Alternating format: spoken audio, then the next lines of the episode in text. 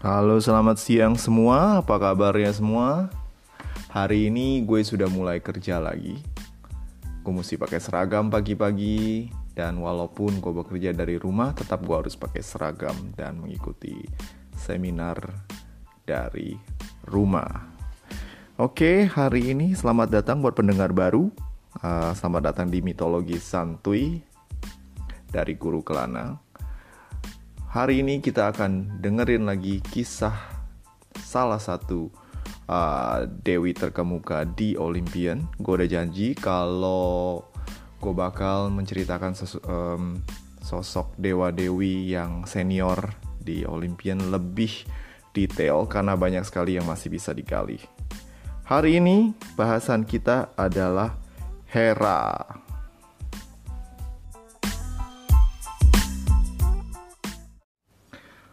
Waktu gue SMA, gue dulu punya banyak temen cewek di sekolah. Dari yang tipe pemalu, dari tipe yang suka nyari perhatian, sampai yang tomboy dan lain-lain. Cuma dari semua cewek ini, ada satu perempuan yang paling cantik. Temen gue yang namanya Jenny. Nah, Jenny ini cantik banget dan banyak yang naksir, cuma satu persatu berguguran Kenapa? Karena um, walaupun dia cantik orangnya tuh rada nyebelin. Jadi kalau diajak ngomong tuh rada ketus dan hal ini yang bikin banyak cowok yang awalnya naksir, kemudian mundur teratur dan akhirnya tidak berani deketin. Nah, sosok Jenny ini ngingetin banget sama Dewi Hera yang populer juga dengan julukan sang mata sapi. Jangan bayangin telur mata sapi teman. Omong-omong gue makan dua telur mata sapi hari ini karena gue lapar banget. Oke, kembali ke si mata sapi uh, Dewi Hera. Seperti di episode yang pernah gue jelaskan sebelumnya. Hera ini cantik. Jadi dia itu dijelaskan sebagai seorang dewi yang matanya belok kayak sapi jadi matanya besar. Kalau menurut orang Yunani itu kalau matanya besar itu cantik.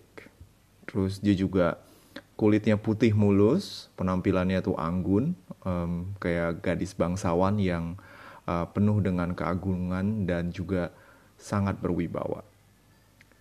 Hanya saja banyak sekali sikapnya yang kurang bisa diterima um, untuk menjadikan seorang pasangan untuk dijadikan seorang pasangan. Contohnya kalau um, si Hera ini kebetulan adalah orang yang sangat cemburuan.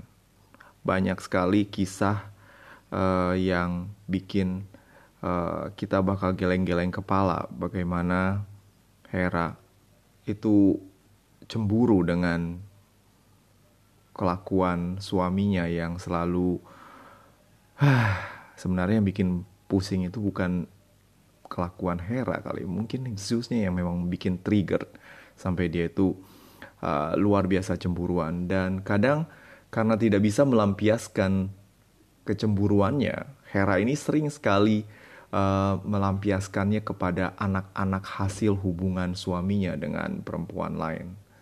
Kalau menurut istilah dia ya anak haram. Nah, nanti deh gue ceritain lagi soal um, bagaimana dia memperlakukan perempuan yang bikin dia cemburu dan juga anak-anak hasil perselingkuhan uh, Zeus dengan pelakor. Oke, okay. nah Zeus ini Zeus kok kok Zeus sih? Hera dikenal sebagai dewi pernikahan dan dia juga sebenarnya adalah masih ada hubungan darah dengan Zeus sendiri.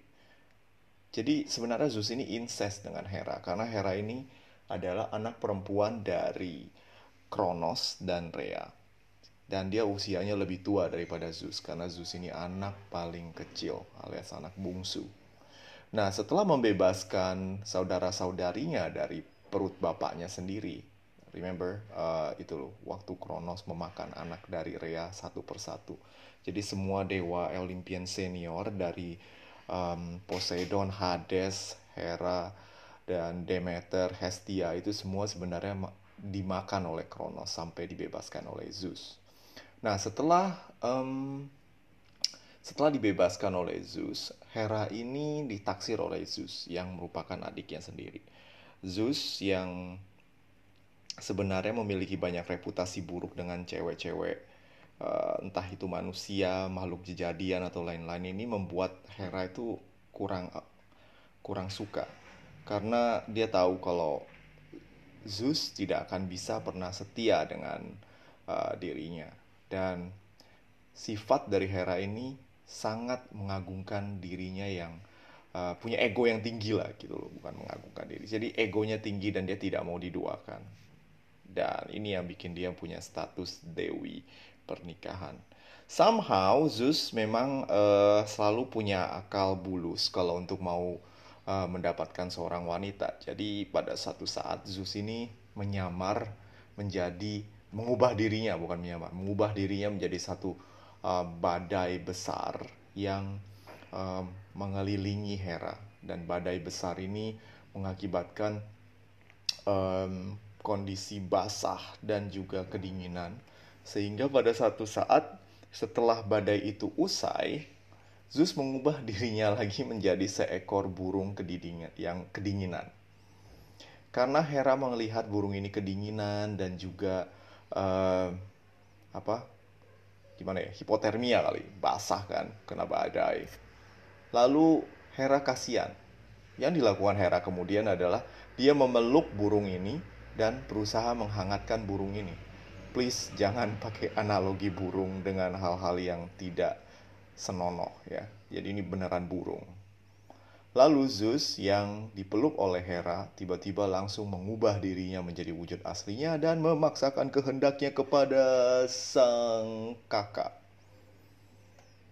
Dan ketika Zeus berhasil menodai Hera, Hera pun merasa sangat ternoda dan tidak mau malu semua juga tidak mau malu ngomong apaan sih bro anyway um, karena malu telah dinodai oleh Zeus uh, Hera pun kemudian mengambil tindakan yang sangat uh, di luar dari uh, dugaan yaitu menerima lamaran dari Zeus untuk menjadi istrinya.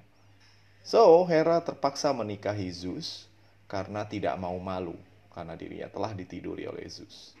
Nah, itulah asal dari bagaimana Hera bisa menikahi Zeus. Jadi nggak seperti romance and stuff, but it's more like being fooled into it. Jadi ditipu untuk menikahinya. Dari pernikahannya dengan Zeus, um, Hera menghasilkan uh, melahirkan beberapa anak, yaitu Ares, sang dewa perang yang sangar itu, Lalu Eris adiknya yang merupakan dewi kekacauan dan sumber malapetaka bagi uh, Olympians dan juga Elatia. Elatia ini adalah dewi uh, kelahiran yang selalu hadir setiap kali ada peristiwa melahirkan. Jadi pernikahan selalu menghasilkan kelahiran. Di mana ada Hera, selalu ada Elatia. Dan anak yang paling bungsu adalah uh, Hebe. Hebe itu adalah dewi. Dewi apa? Aduh gue lupa. Aduh I got distracted nih. Soalnya depan rumah gue lagi ada motor lewat. Jadi sorry kalau di background dari suara ini agak bising. Anyway uh, balik lagi. Motornya udah pergi. Gue bisa lanjut. Um, Hebe ini adalah dewi uh, awet muda yang biasa menyediakan nektar bagi para Olympians dan dia juga uh, sangat uh, cantik, muda dan memiliki akses ke air mancur keabadian. Jadi dia bisa summon itu untuk supaya orang bisa minum dan sampai sekarang dia selalu diasosiasikan dengan keremajaan. Ya, itulah Hebe. Anyway, Hera juga pernah ngelahirin anak sendiri. Ya, aku pernah cerita di episode Hephaestus. Uh, saking marahnya sama Zeus karena Zeus selingkuh atau mungkin Zeus lagi sangat uh, sayang pada anaknya yang dilahirkan oleh dirinya sendiri yaitu Athena. Hera juga marah dan kemudian dia mengandung dan melahirkan anak yang cacat yaitu Hephaestus yang kemudian menjadi dewa senjata. Nah, simbol-simbol dari Hera itu adalah buah delima atau pome. Jadi pomegranat yang banyak antioksidannya dan sehat banget itu. Itu merupakan simbol dari dewa Dewi Hera. Ya ngomong-ngomong pome, gue masih ada di bawah, gue belum pernah makan. Gue belum makan nih. Ah, ntar deh. Dan selanjutnya simbolnya adalah bulu merak kadang juga sapi dan juga diadem. Diadem itu mahkota bulat yang biasa dipakai uh, di kepala. Ya iyalah, mau taruh di mana lagi. Dan juga uh, simbol-simbol uh, ini biasanya dipakai oleh Hera di karya-karya yang karya manusia ya contohnya kayak semacam patung dan kalau lu misalnya pergi ke museum lu ketemu patung dewi cantik yang megang tongkat atau duduk di singgah sana atau pakai mahkota itu biasanya Hera. Dan Hera ini sangat suka dengan kemewahan.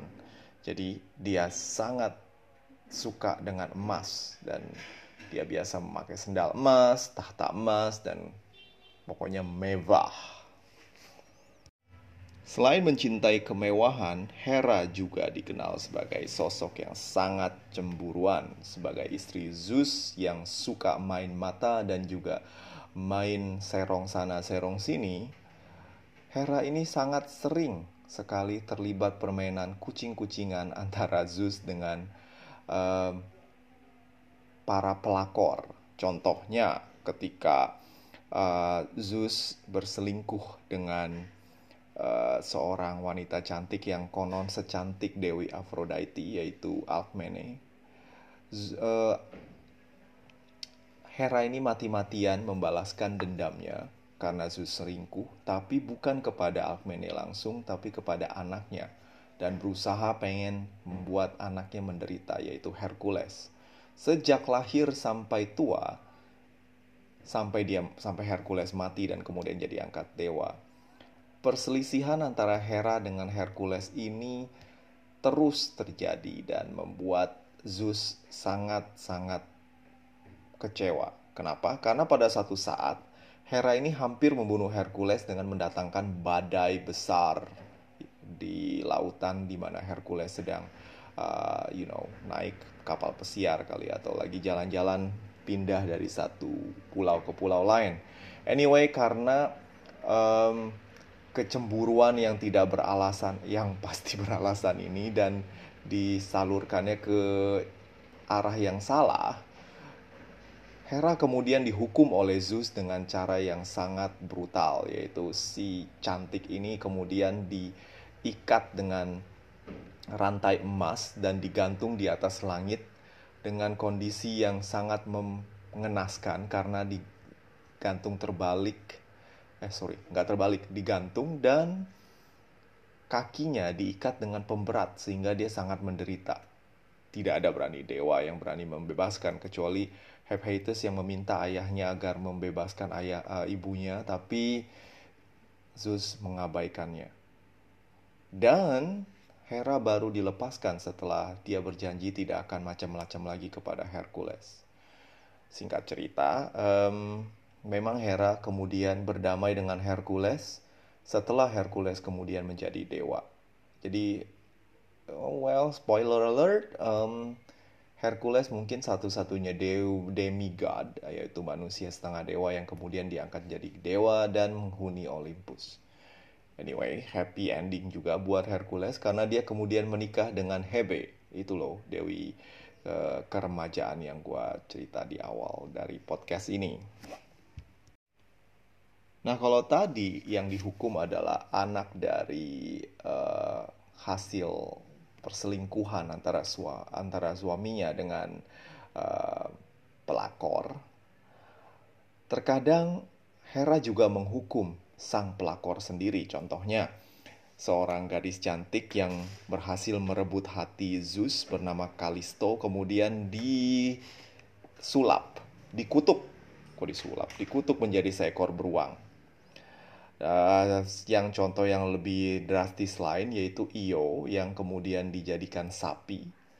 Dan hidupnya sangat menderita. Kasihan si Io tapi ini kepanjangan kalau gue ceritain jadi gue ceritain di episode khusus saja dan juga Semele yang dihasut untuk menunjukkan kemuliaan dari Zeus sampai dia tewas terbakar. Nah hukuman dari Hera ini terkadang juga sangat luar uh, dari yang bisa ditahan oleh para pelakor ini. Tapi terkadang apa yang dilakukan Hera ini kemudian menghasilkan sesuatu yang tak terduga. Contoh, um, Hera sangat membenci Leto. Leto itu uh, Titan yang dicintai oleh Zeus juga dan merupakan ibu dari Artemis dan juga Apollo. Hera mengutuk um, semua pulau yang bersentuhan dengan tanah dan air supaya tidak bisa menjadi tempat melahirkan dari uh, Apollo dan Artemis yaitu membuat susah ibunya si Leto. Tapi akhirnya ada pulau yang bernama Le, um, Delos yang konon terangkat dari laut dan tanah sehingga bisa si Leto menggunakan itu untuk melahirkan da, uh, melahirkan kedua dewa matahari dan rembulan ini. Nah, sekarang Delos itu menjadi tempat yang sangat populer sebagai tempat uh, tempat wisata. Dulu itu tempat perziarahan untuk dewa Apollo.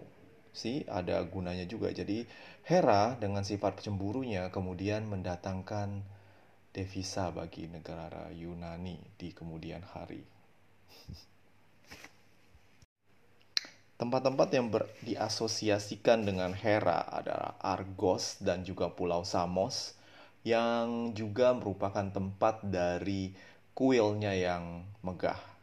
Jadi di Samos yaitu satu pulau yang letak di laut uh, pertengahan atau laut Mediterania, laut tengah dan nggak jauh dari pantai Kusadasi ya kalau nggak salah di Turki Samos ini terkenal sebagai tempat kelahiran dari Hera dan pulau ini juga uh, sekarang menjadi tempat wisata dan kuil Athena eh Athena Hera kuil Hera bisa dikunjungi juga di sini. So another kontribusi buat pariwisata Yunani. Keren kan? Hera ini baik loh mendatangkan devisa negara. Anyway, uh, salah satu kontribusinya bagi umat manusia, Hera yang juga dikenal dengan nama Juno dalam bahasa Romawi. Jadi, you know, gue sebutin berulang-ulang kalau misalnya bangsa Romawi ini suka mengcopy paste apa yang sudah dilakukan oleh bangsa Yunani. Romawi meniru Yunani. Salah satunya adalah penamaan dewa. Jadi dia cuma dewa yang sama diganti namanya dan fungsinya juga sama. Contoh salah satunya adalah Hera yang di dalam bahasa Romawinya menjadi Juno. Nah, Juno itu kemudian masuk ke digunakan sebagai nama bulan, nama bulan ke-6 dalam tanggalan uh, Masehi kita sekarang. Dan bulan Juni itu asalnya dari kata Juno.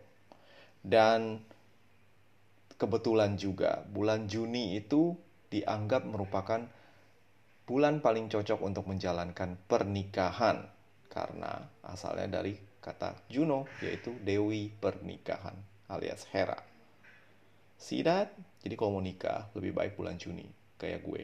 Gue nikah bulan Juni. Kenapa? Karena waktu itu liburan. Bisa honeymoon, bro. Oke, okay, apalagi yang mau gue ceritain soal Hera ya. Oh iya, Hera ini nggak selamanya jelek sih. Jadi dia juga pernah membantu uh, banyak pahlawan dalam misi pencarian domba berbulu emas, kulit domba berbulu emas yaitu uh, Jason dan para kru kapal Argonaut. Nah, ini cerita epic yang panjang yang sama panjangnya kayak cerita uh, Odysseus. Jadi mungkin lebih baik gue ceritakan di episode episode yang lain daripada gue masukin di sini. Oke. Okay? Alright, apa lagi ya? Oh ya, um, salah satu yang gue luput di tengah dari podcast tadi adalah soal pendendam dari Hera. Jadi Hera ini dendeman dan dia tuh nggak bakal ngelupain apa yang pernah dilakukan orang kepada dia dalam hal yang buruk atau bagus. Dia suka membalas dendam dan membalas budi. Nah, um, salah satunya ini Paris ya. Um, ini, ini ada legenda tentang permulaan perang Troya. Jadi pada suatu saat um, waktu kondangan mamanya sama bapaknya Achilles menikah yaitu Thetis dan juga Peleus. So ketika mereka nikah para dewa ini diundang kecuali satu dewi yaitu Eris sang dewi kekacauan anak dari Hera sendiri. Nah karena kesel dia nggak diundang dan mereka juga pada nggak mau ngundang dia karena kalau diundang pasti ada rese karena anaknya tuh rese nggak tahu udah mungkin suka mabok atau bikin masalah atau ngomong jorok melulu gue nggak paham juga tapi yang terjadi dia nggak diundang lalu dia kesel dan dia berusaha melakukan sesuatu untuk mengacaukan pernikahan ini so as a party pooper yang dia lakukan adalah dia melempar apel emas yang tulisannya untuk yang paling cantik seketika apel ini menjadi rebutan banyak dewa eh banyak dewi di tempat itu. Cuma yang berani maju, yang lain pada takut karena ada tiga dewi utama yang merasa lebih cantik dari semuanya yaitu Aphrodite, Hera dan juga Athena. Nah, ketika apel ini diperebutkan oleh tiga dewi agung ini, uh, Zeus memutuskan untuk memilih seorang pria bernama Paris, seorang gembala babi atau gembala sapi atau pokoknya gembala deh. Dan masing-masing dewi ini berusaha menyogok sang gembala supaya mereka memberikan apel itu kepada dia. Athena menawarkan uh, kecerdasan dan juga uh, hikmat supaya supaya Paris bisa menjadi penguasa di dunia dengan cerdas dengan kecerdasannya. Lalu Hera memberikan uh, menawarkan kekuasaan tanpa batas bisa menjadi raja dari seluruh Yunani atau dunia. Sedangkan Aphrodite yang tahu kalau semua cewek tidak semua cowok tidak akan bisa menolak cewek cakep dan seksi, menawarkan perempuan yang sama cantik dengan dirinya yaitu Helen, istri dari Menelaos raja Sparta. Dan bisa ditebak Paris yang memang ganjen lalu memilih Aphrodite dan memberikan apel itu kepada Aphrodite yang mengakibatkan Hera dan Athena marah-marah dan kesel dan berusaha membalas dendam. Nah, kemudian di kemudian hari Athena dan Hera adalah pihak yang membela Yunani, sementara Aphrodite adalah pihak yang membela Troya. Dan yang terjadi adalah Hera terus memprovokasi Zeus dan juga uh, memperkuat barisan Yunani dengan berbagai bantuan supaya Troya bisa kalah. Well, singkat cerita, memang itulah yang terjadi. Anyway, gue memang uh, gue lagi nulis buku soal perang Troya dan hampir selesai. Jadi kalau udah selesai gue bakal kabarin dan gue akan offer kepada para pendengar mitologi santuy juga. Oke? Okay?